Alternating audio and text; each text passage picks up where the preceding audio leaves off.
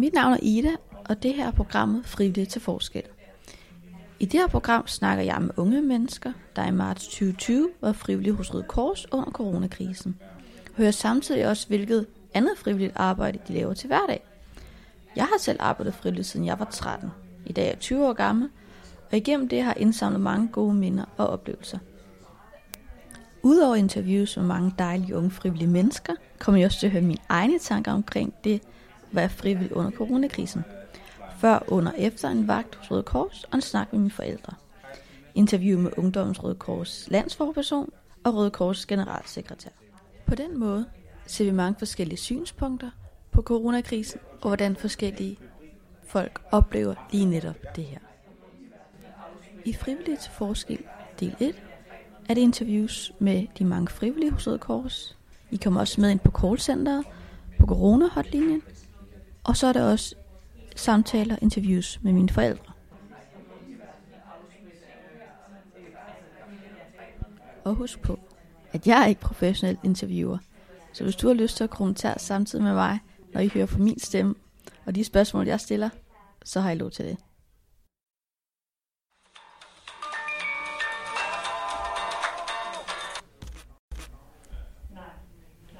Corona Hotline, det er Ida. Hvad kan jeg hjælpe med? Hvornår er den her mail sendt til din søn? I torsdags. Var det før eller efter det, øh, det blev offentliggjort, at skolerne lukker? Jo, det har du fuldstændig ret i. Øhm, har I været i kontakt med skolen siden? Ja, det jeg kan råde dig til, det er at tage kontakt til skolen. Jeg skal selvfølgelig godt se, at når skolen er lukket i 14 dage, så vil det jo, kan man sige, sjovt og mærkeligt, at han så skal ud i erhvervspraktik. Nej, du er slet ikke galt på den. Øhm, skoler og arbejdspladser er råd til... Skolers offentlige institutioner skal lukke i næste 14 dage, og arbejdspladser er, er råd til det. Øhm, så derfor så... Jeg vil selvfølgelig råde dig til at kontakte skolen med det præcise svar. Øhm, men nej, du er ikke... Altså, jeg forstår godt dit spørgsmål. Og hvad er din... Vil din søn selv... Øh, vil han gerne ud øh, til en virksomhed? Det vil han ikke godt. Jeg, øh, jeg, jeg, jeg henviser dig til de hjemmesider, og jeg vil mene, at de kan give dig et svar, du, så du kan finde ud af, om din søn han skal møde op på arbejdspladsen på mandag. Det var så lidt. Har du ellers andre spørgsmål? Mm. Jo. Mm. Men jeg håber selvfølgelig, at du får svar på dine spørgsmål. Hej. Øhm, kan du starte med at beskrive, hvem du er, og hvor gammel du er, og hvad din profession er, og hvorfor du er her i dag? Jamen, øh, jeg hedder Tess. Jeg er 26 år, og til daglig der arbejder jeg som øh, jordmor. Og jeg er her i dag øh, sammen med min øh, veninde Mia, og vi øh, har meldt os til at være frivillige under øh, den her corona-hotline, fordi vi synes, det giver super god mening at yde en ekstra indsats øh, i vores samfund, øh, når, øh, når situationen er, som, som den er i dag i Danmark, øh, og vores sundhedsvæsen er presset, øh, så må vi alle sammen yde en, en ekstra indsats der, hvor vi kan. Og er du, har du været frivillig før, øh, under andre tider, eller da du var yngre, eller er det noget, du sådan, altså, har været i lang tid og kender meget til? Øh, jeg har ikke været så meget frivillig i Røde Kors før, men øh, jeg bruger rigtig meget tid på at være frivillig i en anden øh, frivillig organisation, der hedder Event Safety, hvor jeg er frivillig førstehjælper øh, på koncerter og festivaler rundt omkring i, i landet. Og øh, giver det dig noget sådan specielt? Altså, føler du, når du kommer hjem, at jeg har hvad man siger, reddet dagen, eller jeg har været med til at gøre en forskel, eller er det måske det der med den der underliggende kan man sige, glæde, man kan få på længere tid? Jeg tror, det er en, det er en god blanding af, af det hele. Det handler for mig rigtig meget om, om fællesskabet ved at være flere, der løf, løfter i flok. Øhm, og jeg ser det sådan lidt som en, øh, som en familie. Øhm, det er der, jeg har mine allerbedste venner, og øhm, jeg synes, det giver mig rigtig meget, både sådan på, på det personlige plan, og sådan på det faglige plan, som jeg kan bruge i mit arbejde som jordmor. Både at sidde her på corona-hotline, men også at være frivillig førstehjælper. Øhm, og ja, som du siger, så synes jeg også, det giver god mening, og, øhm, og man kan mærke, at man, man gør en forskel for, for folk, om det så er fulde folk, der er til festivaler og har drukket lidt for mange øl, eller om det er mennesker, der er bange for, at, om de nu har fået øh, corona. Øh, ja, det, jeg synes, det giver god mening. Ja, og så lige for at vende bag til øh, corona og den situation, øh, vi er i lige nu. Øh, vi har begge to været på den her hotline i dag. Har du fået nogle, kan man sige, sjove eller spændende sådan, spørgsmål? Altså, hvad folk ringede ind med? Øhm, jeg synes, det der sådan har været gennemgående i dag, nu har jeg siddet her over to dage, men i dag, der har det nok sådan primært været folk, der har ringet ind med symptomer øh, på, øh, på corona eller på influenza generelt, som jo minder meget om hinanden.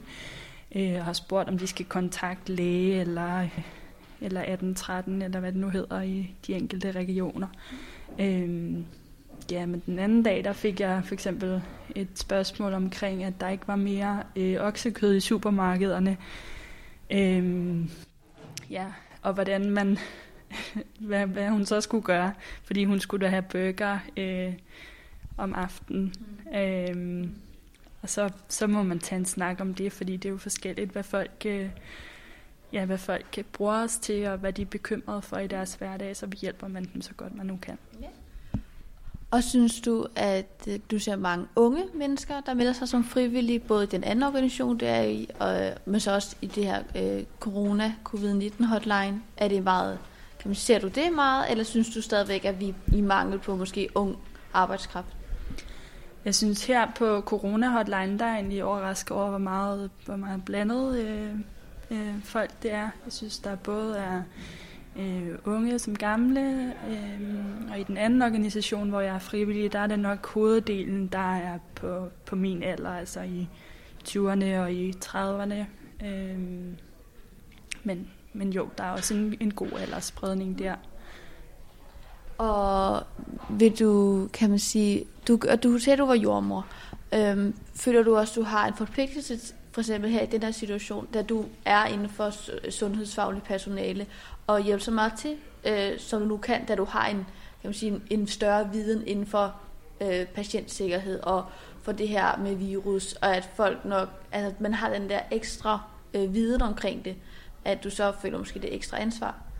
Ja, det tror jeg helt sikkert. Altså, øh, når jeg nu er sundhedsfaglig, så synes jeg da helt klart, at øh, man skal bruge øh, de, øh, de værktøjer, man har lært på sin uddannelse og igennem sit erhverv.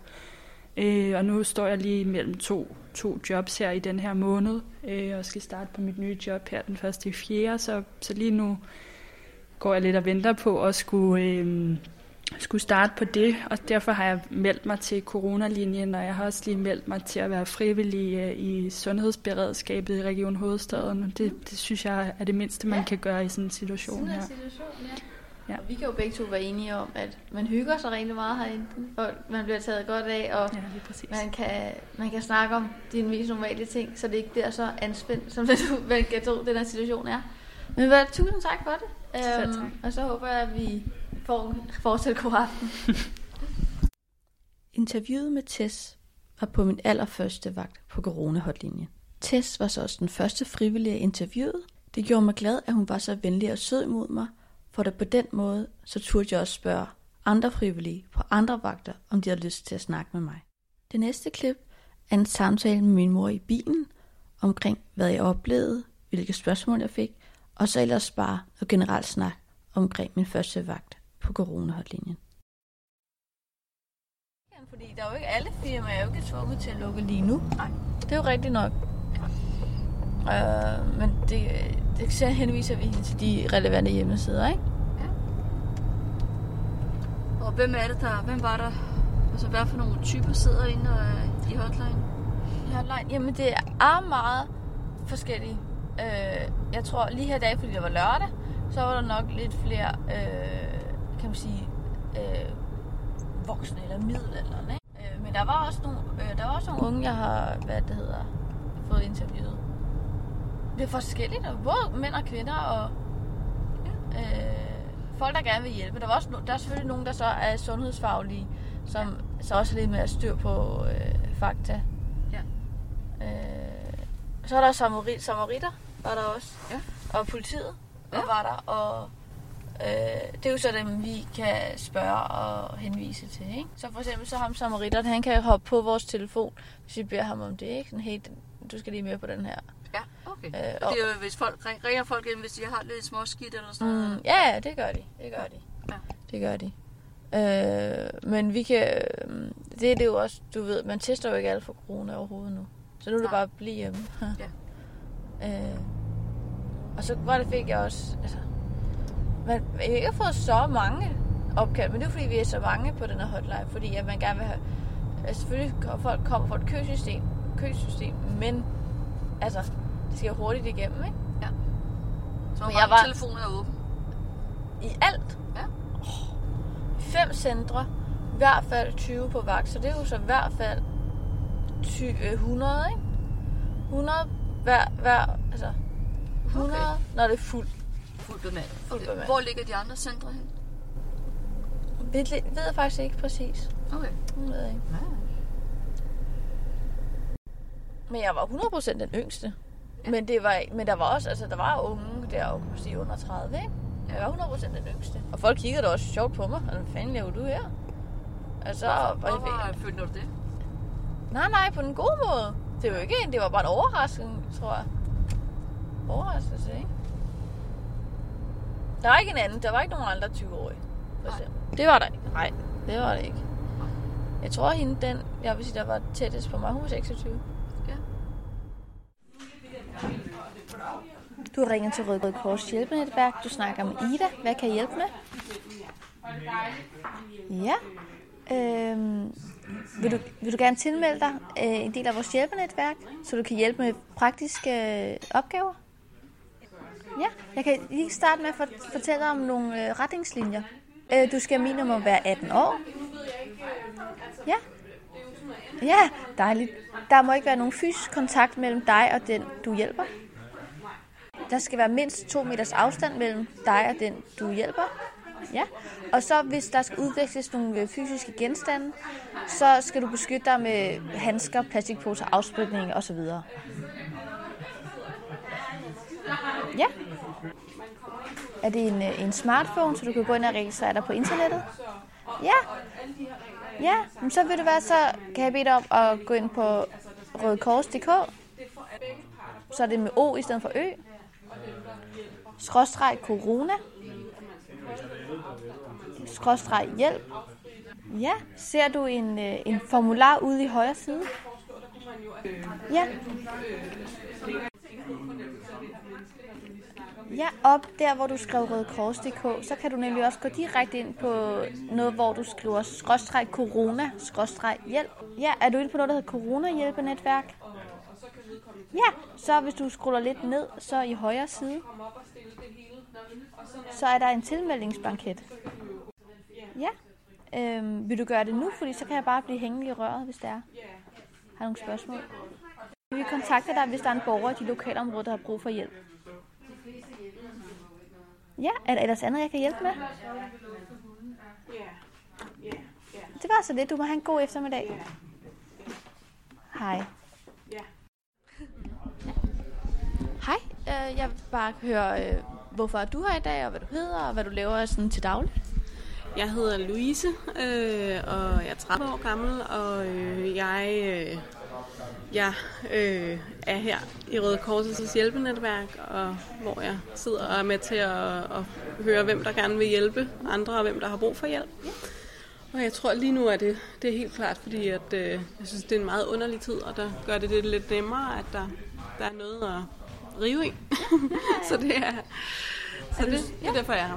Mm. Er du frivillig sådan, i andre øh, hvad kan man sige, organisationer eller andre Ja. foreninger? Ja, altså jeg har øh, en ugentlig, når, når der ikke er corona-pandemi, øh, pandemi, så har jeg en ugentlig læsegruppe på et plejehjem på Østerbro. Øh, gennem det, der hedder Læseforeningen. Øh, men det kan jeg af gode grunde ikke være til hos lige nu, så derfor så, øh, så er jeg glad for, at der er noget andet, jeg kan lave. Øh, det, det er underligt ikke at være sammen med dem. Og vi har jo så begge to i dag været på det her hjælpenetværk som, øh, som phoner. Har du fået nogle, kan man sige, både anderledes eller måske sjove opkald, eller hvordan synes du dagen i dag har været? Mm, jeg tror egentlig, det, jeg har det mere som om, jeg har lidt fået bekræftet det, jeg havde forventet af, hvem det er, der har brug for hjælp. Og, øh, der har været nogle meget lange opkald, fordi folk er rigtig, rigtig bange, og nogen er også utrolig udfordret på det praktiske. Så det er jo virkelig, virkelig dejligt at se, at der er sådan et netværk, fordi der er godt nok nogen, som, øh, altså, som har brug for hjælp lige nu og her, ikke? og som simpelthen ikke har noget mad, eller, eller ikke noget, snakkede med en i dag, der ikke havde noget tøj. Der var nogen, der skulle købe nogle sokker og sådan noget, ikke? Øhm, Altså, vi er jo ja. begge to, kan man sige, i den unge kategori. Synes du, du ser mange unge herinde, der melder sig som frivillige, eller er det sådan måske det er meget forskelligt? blandet, ikke? Det er meget, meget, meget blandet. Øh, det, øh, ja, nu kigger jeg lige ned på nogle, hvor jeg, som jeg også tænker er frivillige. Det er jo også meget blandet. Der er det måske nogle mere unge. Nej, det er meget blandet.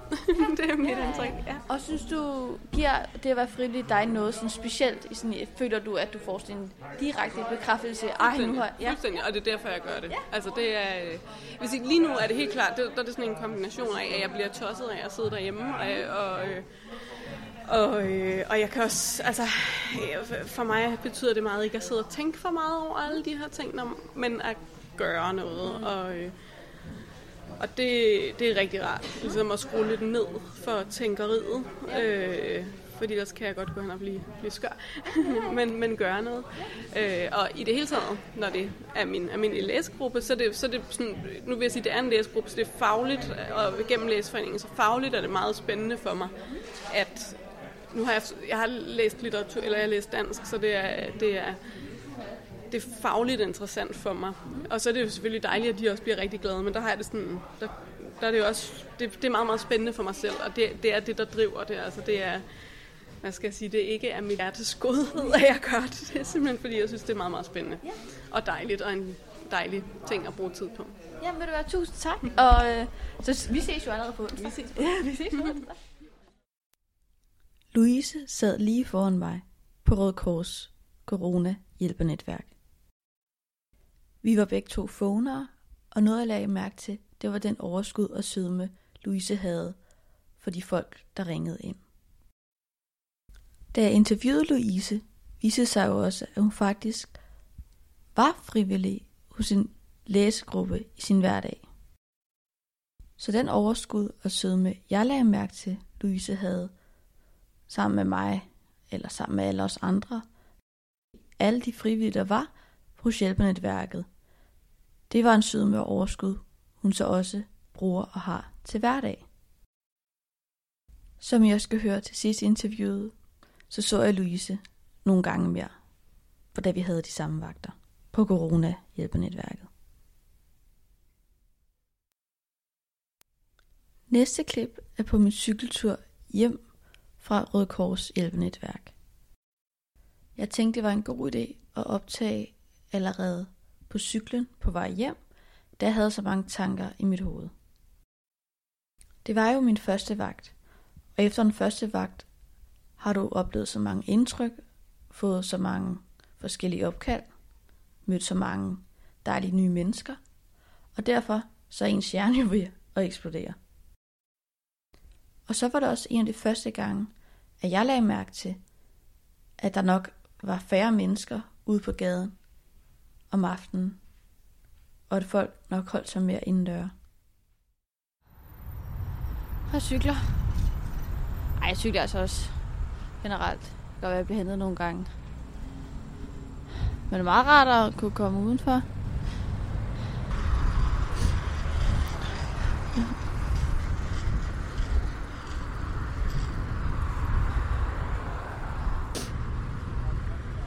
Nu har jeg siddet indenfor i, i fem timer i streg. Og en mand, der cyklede forbi med to bulldogs. Og vi i vognen. De gør nok søde.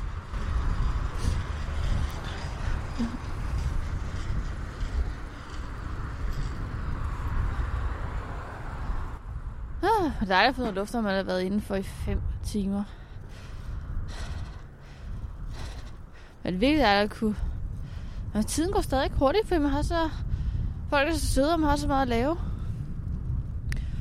Selvom man sidder dernede, og så var på hjælpenetværket i dag i 5 timer. Så der var folk, der skulle matches med, med borgere. Så var det også meget spændende.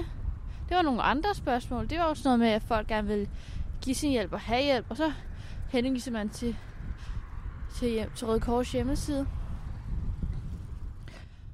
Så ellers så øh, fik jeg et godt interview med Louise.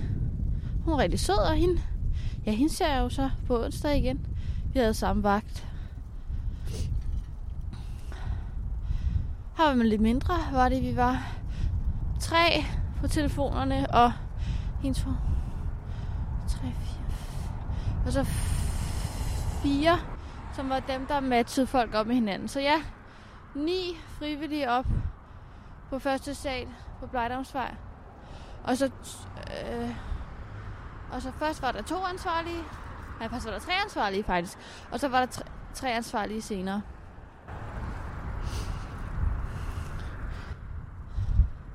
Og det er ikke særlig koldt i aften faktisk. Der er ingen mennesker på gaden. Men det er jo så grund af den her situation. Ej, men det er også mandag. Jeg glemmer lige de her dage. Hvilket ja, det er det i dag, og det er det i morgen. Uh, åh, men bremser er så dårligt på den her cykel. Kom ham der med bulldoggen igen. Næste klip er lidt anderledes. Det er lidt anderledes, da det er en samtale med min far, da vi går en tur i parken. Det er en samtale omkring den situation, vi var i på det tidspunkt. Også den forvirring, vi begge to har omkring, hvad skal der ske, og hvad er det næste tiltag, regeringen vil lave. Vi er dog begge to meget, meget positive omkring det. Og vi griner også, og vi går en dejlig tur. Men det viser jo også, at ingen af os skal simpelthen fatte, hvad vi står i lige nu. Og det er også meget spændende at høre, hvordan den ældre generation selv lider på den her situation. For de har prøvet og oplevet andet igennem deres liv. Og hvordan det her sammenlignes med andre ting, der skete tilbage i tiden. Som jeg også kommer ind på i samtalen med min far, så ændrede vores liv os næsten på to uger. Vi troede, vi skulle noget, og så skete der coronakrisen. Der går jeg med min far. Hm? Ja, hej. hej. Vil du ikke lige fortælle? Du er snart 60 år. Ja. Okay. Vi snakkede faktisk lige om det i bilen. At det er en historisk tid, vi lever i. Det er jo rigtigt nok. Det er jo en mærkelig, mærkelig tid lige nu her. Ja. Og øh, tænker man lidt tilbage over tid, mm. så var jeg jo dreng og ung, da jeg øh, mødte de første mærkelige krisetegn. Det var oliekrisen i starten af 70'erne. Mm-hmm. Og øh, det var en mærkelig tid. Der var, der var kørselsforbud. Ja, og det var, øh, så, var det så hver dag, eller var det sådan øh, søndag? Så det vidt jeg var det i hvert fald øh, øh, på specielle tidspunkter. Jeg tror, det var weekender også, og kun biler med nogen nummerplader måtte køre. Så Jo, biler med nogen nummerplader, okay. Ja, lige og ulige numre, tror jeg, det var. Ah, okay. Og øh, søndag, helt bilfri søndag. Mm. Og det gav jo også nogle mærkelige øh, butikker var lukket, men der var der meget ofte også dengang. Ja. Men det kom man jo så igennem. Mm. Hvornår var du sagde, det var? Da du var ung? Så. Ja, det var så i starten af 70'erne. Ja, der var, ja, der var du meget ung. Der var der en eller måske virkelig to oliekriser, ja. som løb igennem samfundet på det tidspunkt. Mm. Og så kom så der man, en til igen? Ja, men så kan man diskutere eller overveje lidt, hvad, hvad er det så for alle de her bekymringer, man går og gør sig så lidt. Ja. Så op igennem 80'erne, så var der jo kartoffelkur, ja, ja, ja. som også betød lidt, mm. at, at øh, det var folk og mennesker var presset på økonomi, og samfundet øh, havde svære overvejelser. Mm. Så med dengang, at, øh, at folk gik ud og hjalp hinanden, som de gør for eksempel i den her situation lige nu, at man ser frivillige øh, og andre frivillige organisationer, og bare unge, der faktisk vil ud og hjælpe dem, der måske lider mere under, kan man sige. For eksempel, du sagde, at dengang, der var der, kunne folk ikke gå ud og, og køre bil. Altså, så må folk hjælpe hinanden dengang. Jamen, det er et godt spørgsmål. Godt spørgsmål. Jeg tror sådan set, at det, det vi oplever lige her og nu, mm. Disse dage her, det er også en smule, nej, det er måske ikke det rigtige ord, det er meget mere, det er meget mere markant, og mm. det er et meget større indgreb i, i den daglige, i dagligdagen. Mm. Og derfor så er der sådan, sikkert også behov for, øh, at man tænker måske, som du siger, mere, mere på tværs ja. af både øh, generationer, kunne det godt være, øh, Øh, og øh, man måske også har mere fokus på, jamen, hvad er det, hvad vil et samfund, hvad vil et sammenhold, og hvad vil samvær sige. Mm-hmm. Og så ser vi, hvis vi tænker på 1980'erne, der, så var du der i 20'erne og start 20'erne. Var du dengang, var du selv øh, frivillig hos nogle organisationer, eller ja, var du ja, måske bare fodboldtræner, eller ja, til, hvis, uh, oh, ja, du fortalte mig engang, du var på øh, Roskilde Festival. Ja, men, det, men det, det, jeg har været frivillig både øh, i nogle hjælpeorganisationer på Roskilde Festival og ting, men det er jo, øh, kan vi sige, under meget mere glædelige og spændende omstændigheder. Ja, ja, ja. Jo, men det, det, kan, det er selvfølgelig, det er jo der, hvor der, der er fest, og der er gang i den. Øh, og der var jo så sikkert, kan man sige, and, masser af andre unge. Øh, og tror du, tror du, den her situation, vi er i lige nu, fordi den, måske der bliver skabt noget lidt frygt omkring, hvordan man skal opføre sig, og man må gå ud for en dør, at folk, som nogen også holder sig tilbage i forhold til at kunne hjælpe der, hvor de kan? Det kunne jeg sagtens forestille sig, men jeg tror mange går gør sådan bekymringer om, hvad, hvordan skal man forholde sig, hvordan mm. skal man optræde, øh, hvor udfarende og hvor frisk kan man være, og, og nogen, mange vil sikkert rigtig gerne hjælpe, men kan måske have svært ved at sige, hvor søren kan jeg gøre en forskel og være med til at, at hjælpe til. Mm. Jamen, du har jo også været meget interesseret i de dage her. Jeg har været inde hos Røde Kors, både på hotline og det her hjælpenetværk. Ja, det er også øh, spændende. Det er også vildt spændende, ja, det er helt vildt spændende. Øhm, og det er jo også det, jeg ser for, for mine venner og veninder, der er enten i du sendt hjem fra skole, eller du sendt hjem fra arbejde, at de virker rigtig interesserede i det, jeg går og laver lige de her dage. Men der er ikke rigtig nogen, der lige tænker, ah, det kunne jeg også, eller jeg kan også bare melde mig til. Ja. Øhm, og tror du, at det er fordi, at der er sådan, at vi unge, nok også mig, nogle gange kan være lidt dogne at se, måske den nemme, den lille undskyldning for, måske at blive hjemme hos Netflix. Du har jo lige, vi har jo lige snakket med min storesøster. Sara har en storesøster på 23, hvor at du sagde til hende, så nu er det lige nu, du har en god undskyldning til at sidde hjemme og se Desperate Housewives. Ja, det er jo klart, når man bliver sendt øh, i princippet hjem fra job, ja. og, øh, og, øh, og måske virkelig også bliver opfordret til at være at gå ud, ja. og, øh, og dermed bliver opfordret til at blive indenfor, mm. jamen så sætter det jo ens kreativitet virkelig på, øh, øh, være på spil. Ja. Ja, ja. Så øh, det kan jeg sagtens stå, og hvis man lige har arbejdet for at gøre sin eksamensopgave færdig, ja.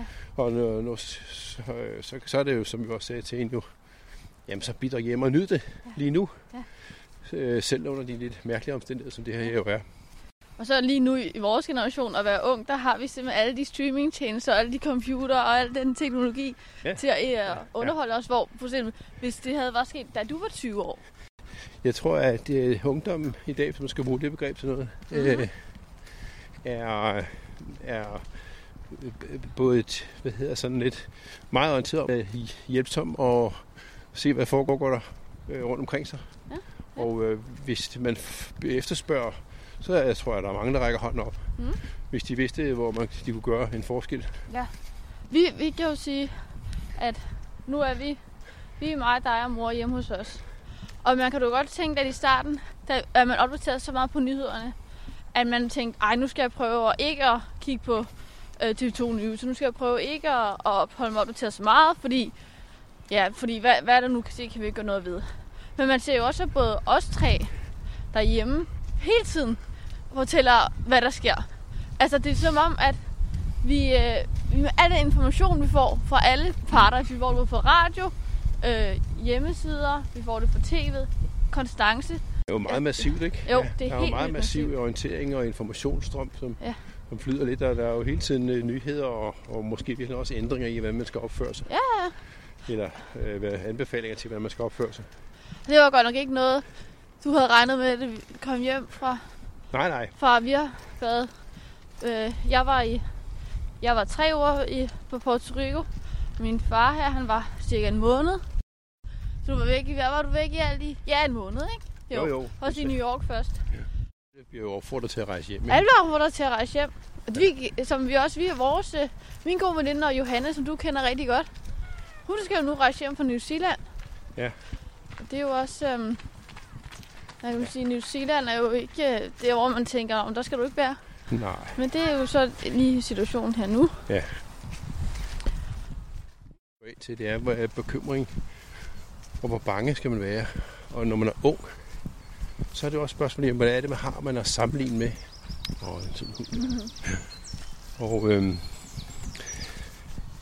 og der, der må man jo nok, jeg ved ikke, man kan jo prøve at kigge sig omkring og så se, hvad, hvad, hvad, siger, hvad siger nogle af de, de ældre, som vi nu lige nu øh, er lidt i skudlinjen i forhold til, at, øh, at vi er meget bekymrede for, for, for om den nye virus øh, slår specielt hårdt ned på ældre Mm.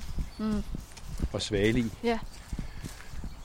Øhm, Så kan de, mange af dem kan jo huske, og nogle af dem, som er rigtig gamle, kan jo huske meget langt tilbage i tiden og har gennemgået øh, flere, flere udfordrende tider. Ikke? Det kan være helt tilbage fra 30'erne. Det kan være verdenskrig. Ja. Det kan være øh, rationeringer, som man har oplevet op igennem 50'erne, sandsynligvis. mm. Så kommer der jo oliekriser i op i sl- slutningen af, eller i starten af 70'erne. Øhm, så jeg er tilbage, tror vi, til... Nu ser vi SARS. Du nævnte SARS her. Ja. Det er 2003. Ja. Det kan jeg ikke huske. Men det er jo også... Det var også en epidemi, der påvirkede verden på det tidspunkt. Ja. Dengang, der var... Det var så for det var 17 år siden. Så Ja. med dengang, at folk gik ud og, og stillede sig til rådighed for at kunne hjælpe andre mennesker, var der den her, øh, kan man sige, øh, jeg øh, kan ikke tage mig, tage mig andet til lige nu, end at, at bruge min hverdag på at måske hjælpe dem, som vil blive, ja, som du sagde før, at nu er vi bekymret for de ældre og de svagelige, for det er den der, det faktisk skader. Ja. Så kan du huske dengang, om der var noget, der mindede om det her, i forhold til, i forhold til at folk gik ud og hjalp hinanden, og folk stillede sig frivilligt til rådighed? Jeg kan ikke huske i forhold til, at det her har været så omsaggribende i selve SARS-perioden Mhm. i starten af, af nullerne. Jeg, kan, jeg synes, at jeg kan huske, at i forbindelse med, med nogle af de voldsomme Ebola-udbrud i Ja. Afrika, Ja. øh, jeg tror, det var noget senere i virkeligheden, Ja, ja, ja. øhm, hvor der blev udvist en meget stor bekymring også, fordi den jo også samtidig var meget, var meget, øh, var meget dødelig. Mm. Ja, for der så man jo, at, øh, at øh, man kunne, altså folk hjalp, hvor, man, hvor de kunne, ikke? At man faktisk også rejste ned til Afrika for at kunne give den bedste hjælp overhovedet. Og man både som, som ung, eller som sygeplejestuderende, eller som øh, lægestuderende kunne komme ned og bruge de kompetencer, man nu havde på det tidspunkt, til at hjælpe de, sva- to, altså de svageste nede i, øh, i Afrika. Ja. Øhm, og det vil jeg også, altså det, det kan vi så tale om, om, om det er noget, der har smittet af. Altså vi jo, at jo, hvis vi oplever det, på, det her på den samme måde om, om, om 10 år, og man så ser, at der er så flere og flere, der vil hjælpe, ikke? Altså, fordi folk bare vokser, og vi står sammen på en eller anden måde, ikke? Jo, men der er ingen tvivl om, ja, det jeg har oplevet, det her er nok, kan vi sige, den situation, hvor, som har været mest omsaggribende Mm. i forhold til øh, den kommunikation og de informationer, øh, man får, får, øh, som tilkommer en. Mm. Øhm, Hvad sagde du, de informationer, der tilkommer en? ja, Jamen, det er jo også et, et tegn på det der med den øh, teknologiske tidsalder, ikke? Ja. At det har da fuldstændig ændret sig. Jo. For bare for, måske hvad, jeg Ja. sige, 10-15 år siden. jo, jo, jo, jo. Selvom vi for 10-15 år siden jo havde internet, så er det da, ja, så vi er helt Ja. vildt, og du er fuldstændig ret Jo, i, jo, hvor men- hurtigt, og hvor, kan man Ja. sige, meget information vi får. Ja, ja. Øh, Og man kan sige, at verden er bundet meget tættere sammen. Ja. Lige den ene dag, så får man at vide, hvad der sker i Japan. Næste dag, så får man at vide, hvad der sker på østkysten i, mm. og vestkysten i USA. Og den tredje dag, så er det nede i, i Østrig og Italien. mm, mm, ja. Noget min far og jeg også kom ind på i vores samtale, var de mange bekymringer, unge og generelt folk står overfor lige nu. De bekymringer, der nok også bliver påvirket af alle de sociale medier og alle de nyheder, vi får 24-7. Jeg vil da også sige, at jeg er lidt skyldig i at hele tiden være på telefon, hele tiden være på min computer, hele tiden se nyhederne i tv'et. Men jeg ved simpelthen ikke, hvordan jeg ikke skulle kunne følge med i det her hele tiden. Det, der, der overraskede mig allermest ved samtalen med min far, det var, at i hans 60 år lange liv, så er det her noget af det mærkeligste, han nogensinde har oplevet. Øhm, vil du starte med at lige sige, hvem du er, og hvor gammel du er, hvorfor du er her i dag? Ja, øh, jamen hej, jeg hedder Coco. Jeg er 26, og jeg er skuespiller. Øh, så er jeg egentlig ret vant til at, at arbejde freelance og have masser af fritid øh, nogle gange i bunker. Så øh, jeg nyder egentlig også lidt at, øh, at have noget tid, og så vil jeg bare bruge min tid konstruktivt og tænke, hvorfor ikke hjælpe nu, når jeg er sund og rask og har masser af tid. Ja. Har du været frivillig før i andre situationer, eller med andre organisationer? Øh, det har jeg faktisk ikke. Øhm, så det var også lidt, jeg ikke vidste, hvad jeg, hvad jeg rigtig gik ind til. Om, om det ville være sjovt, eller om det ville være kedeligt, eller om det ville være deprimerende. Men tværtimod, så har det været virkelig hyggeligt. Ja. Er det din første vagt i dag, eller har du været på andre vagter? Øh, I dag er min tredje vagt, faktisk. Ja, jeg var her første gang i lørdags. Øh, og så allerede efter første vagt, så vidste jeg bare, at okay, her skal jeg bare ind igen, fordi det er bare nogle søde mennesker, og man er alligevel bare alene hjemme, og har ikke nogen at snakke med, så det er virkelig dejligt at komme herind. Og du har så været på den her corona-hotlinje. Alle tre gange, eller været forskelligt? Nej, jeg har siddet med at rekruttere folk til at sidde i callcenteret, som for eksempel corona-linjen. Øh, ja, så man ringer til folk og ja, hvad hedder det, planlægger vagtplaner, hvornår folk har tid til at komme og være frivillige. Og hvad synes du, det giver dig at være frivillig? Altså, får du sådan en anden følelse i kroppen, eller er det sådan, og når du er færdig med en vagt, så ej, jeg er bare glad, eller er det måske noget, der kommer senere hen?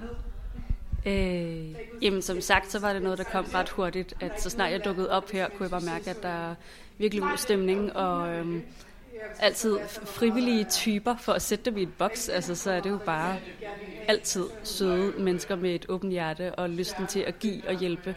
Så øh, man kan nærmest ikke undgå at bare kun møde søde mennesker her, som jo smitter af og giver en et vildt godt humør. Så både når jeg var her, og også helt klart, når jeg kom hjem, så var jeg bare sådan, fuck, hvor har jeg haft en god dag på grund af det her. Ja. Synes du, har er mange unge øh, i forhold til, hvad du troede, eller er det sådan måske meget blandede mennesker? Øhm, altså aldersmæssigt, aldersmæssigt vil jeg sige, at det er ret blandet. Men øhm, jeg ser flest kvinder, helt sikkert. det er meget sjovt, det har jeg lagt mærke til, at øh, det er ikke så mange mænd, jeg har mødt her. Ja. Og du sagde, at du sidder og rekrutterer folk til at sidde på corona-hotlinjen. Ja. Øh, er det så også bare forskellige mennesker, øh, der har meldt sig til at kan man sige, hjælpe med det? Ja, altså det er øh, alle mulige. Der er også rigtig mange øh, studerende, øhm, også øh, pensionister, og ej, det er egentlig alle typer. Øh, og det er virkelig fedt. Altså alle folk, de er bare sådan, ja, jeg har ikke noget at lave. Jeg kan alle dage. Du siger bare, folk er virkelig friske på at hjælpe.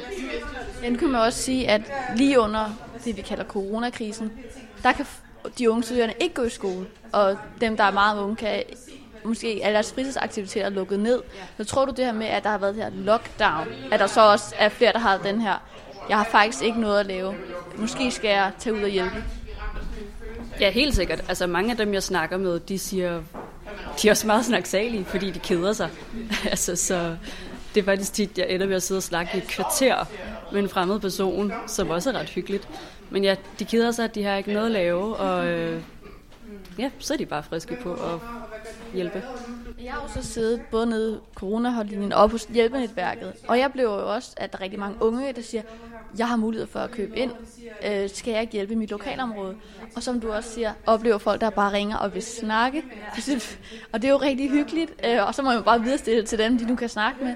Øhm, men tror du også, det her får en effekt? Fordi du ser, vi ser mange unge mennesker melde sig som frivillige. At måske efter det her, at for, de vil holde fast, altså de unge vil sige, om så melder jeg mig ind i en lokalforening og går ned i genbrugsbutikken og går på de lektiecaféer.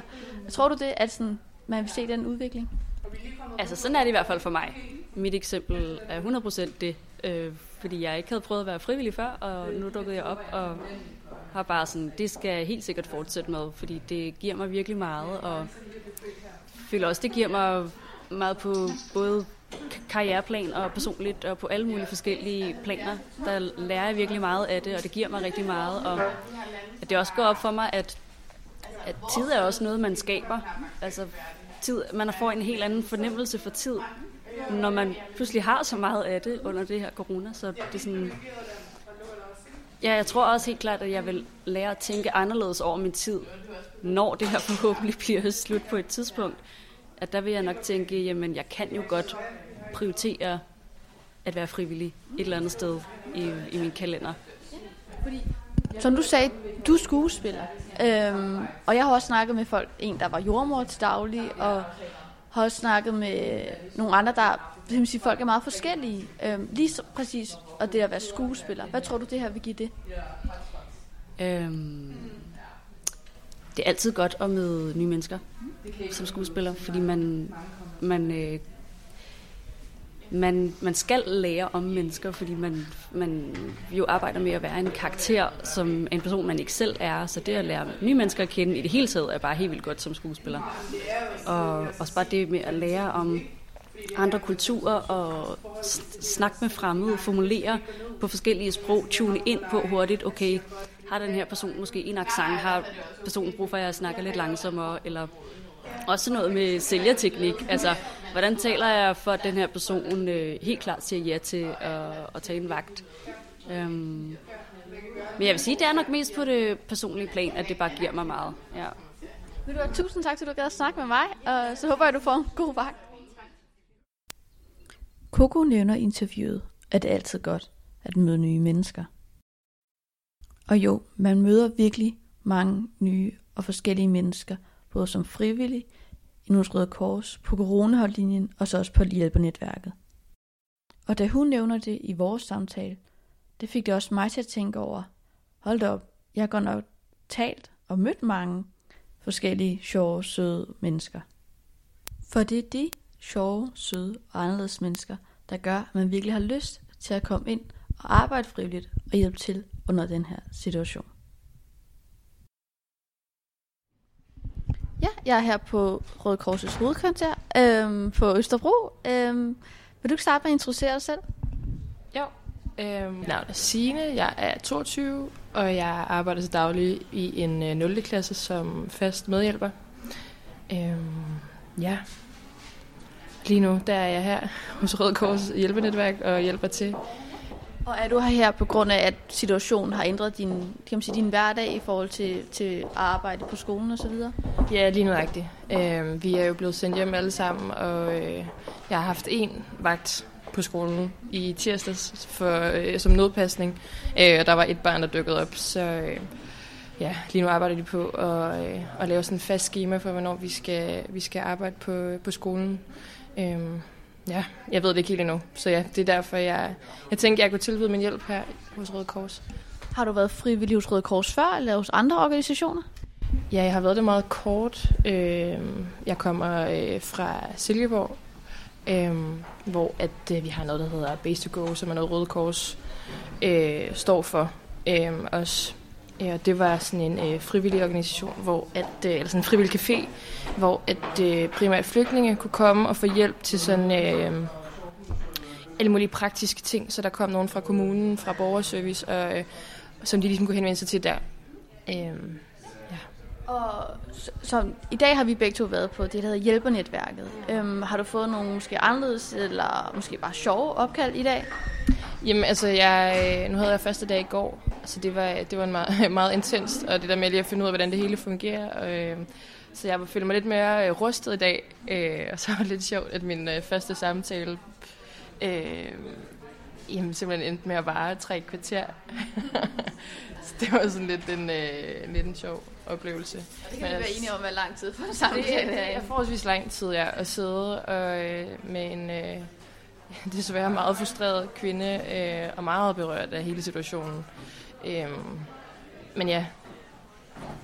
Man ser jo øh, tit her nu, at mange bekymrer sig rigtig meget. Øh, vi får jo også, øh, kan man sige, information 24-7, og noget, som både Røde Kors og andre medier har sådan stikket lidt til, det er også unge, og hvad vi laver i den her situation. Mm. Øhm, nu som du også sagde, at normalt arbejder du på en skole, og vælger også at bruge din tid frivilligt her.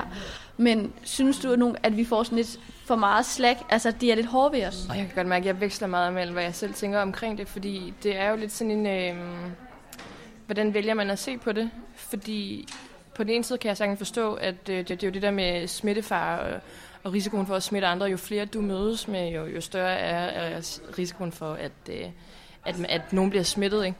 Og det er jo det, vi helst skal undgå, og det er jo derfor, at både dronningen og Mette Frederiksen går ud og, og, og siger det her på pressemøder, og, ja, og igen, dronningen vælger at holde en tale til, til hele Danmark. Det fortæller også lidt om øh, alvoren i det her. Øhm, så på den måde det er jo super vigtigt at, at, at, at lytte til det. Jeg synes så også samtidig, at øh, altså igen, nu er jeg jo selv et ung menneske, og kan blive restløs derhjemme, og det er jo også igen en af grundene til, at jeg har meldt mig til noget øh, frivilligt og, øh, og fedt at kunne hjælpe. Ikke? Men altså ja, det der med sådan, altså det, er, det, det virker sådan næsten øhm, altså sådan helt surrealistisk, fordi det er jo ikke noget, man mærker på egen krop. Det er noget, man hører om alle steder, men, og man ser, øh, hvordan der går færre mennesker på gaderne, og sådan, men det er også det, altså, og resten det hører man jo fra sociale medier og nyheder og på Instagram og alle de der stories, der ligger med at øh, tage sammen og se nu alvoren i det og blive nu hjemme og altså ja. Kender du, at nogle af dine kan man sige, venner eller omgangskreds, der også har meldt sig som frivillige ind i Røde Kors, eller på anden vis her under coronakrisen? Øh, ja, det er faktisk, øh, det var en af mine højskolevenner, der havde delt på Facebook øh, øh, omkring det her hjælpenetværk. Så det er faktisk gennem det, altså, at, jeg, øh, at jeg kender til det. Øh, ja. Altså, fordi det, jeg personligt øh, har oplevet, det er, at folk øh, er næsten mere interesseret i, hvad jeg laver, end de kommer selv herind.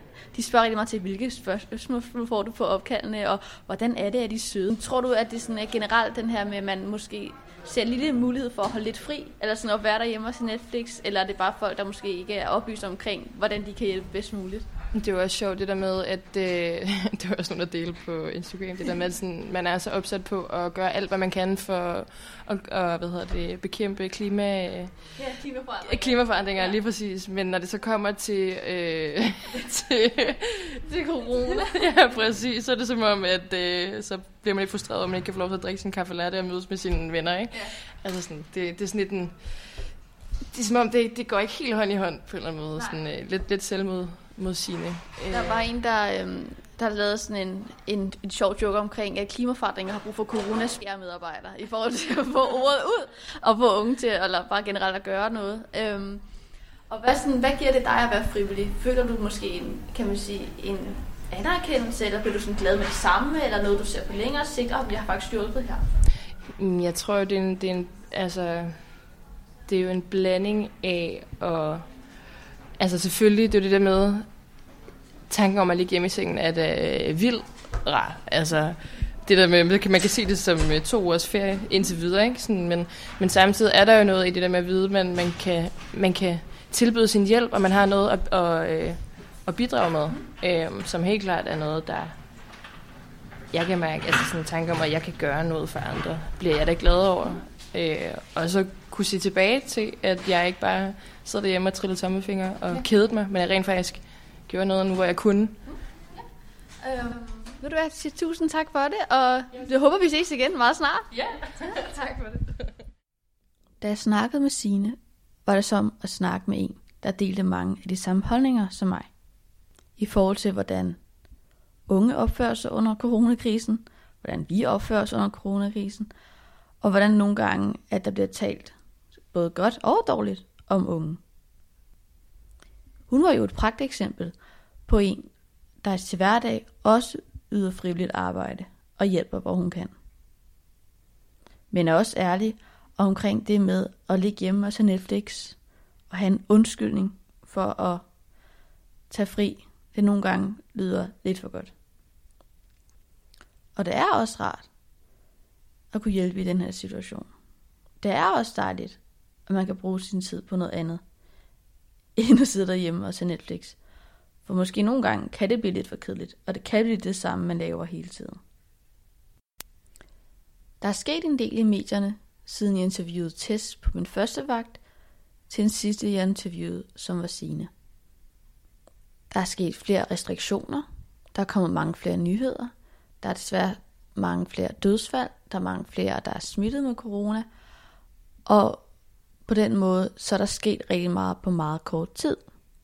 Men selvom vi frivillige, og generelt bare hele befolkningen i Danmark, har fået så mange forskellige informationer, øh, og regler og restriktioner omkring, hvad vi skal gøre og hvordan vi skal opføre os, så synes jeg, det er dejligt, at man kan høre, at på hver eneste person, frivillig jeg interviewer, så er der en glæde og optimisme i deres stemme og i den måde, de oplever situationen på. Der var Louise, i interviewet, som var, havde den her sødme og optimisme og overskud, og generelt bare følte, at hver gang hun lavede frivilligt arbejde, så fik hun med det samme en god følelse i kroppen. Der var Coco, som coronakrisen, eller under coronakrisen, var en af de første gange, hun var frivillig. Det gav hende lyst til at bare blive ved med at lave frivilligt arbejde. Så var der også Tess, der til dagligt arbejdede som jordmor, som følte også, at hun havde ansvar, da hun er en del af det sundhedsfaglige personale, til i hendes pause mellem to jobs og hjælpe, hvor hun kunne. Og til sidst var der Sine.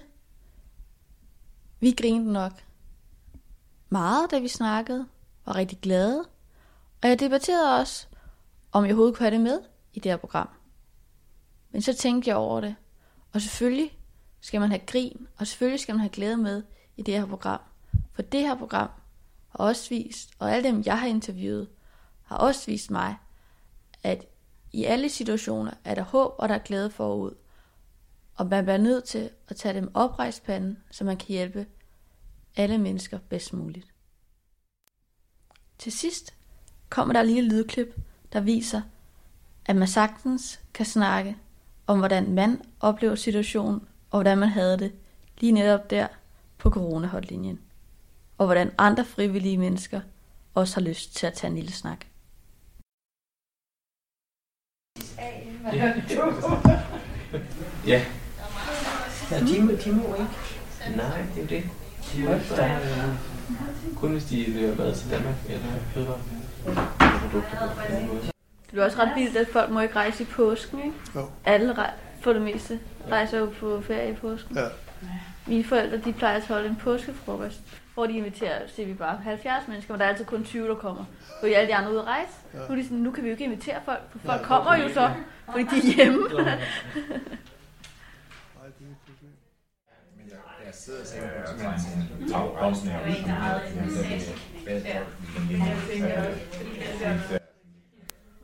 Det her var første del af programserien Frivillig til forskel. I anden del snakker jeg med en meget spændende og sød pige, som hedder Luca. Grunden til, at Luca er i næste program, det er fordi vi gik en tur i Kongens Have, hvor jeg også hørte om alt det andet frivilligt arbejde, hun har lavet op til dags dato. I anden del snakker jeg også med Ungdoms Røde Kors landsforperson Troels Bolt Rømer og Røde Kors generalsekretær Anders Ladekar. De er begge to ekstremt søde over for mig, og jeg følte, at jeg stillede dem nogle rigtig gode spørgsmål. Nogle spørgsmål, jeg virkelig havde tænkt over, hvordan jeg skulle stille, og kom nok også ud okay. Så hvis du har lyst, så hør med i næste program, hvor det også bliver en afslutning på min programserie Frivillig til forskel. Jeg håber, du har nyt at høre med. Og pas godt på dig selv og dine kære under den her tid. Og så kan det være, at vi snart ses igen.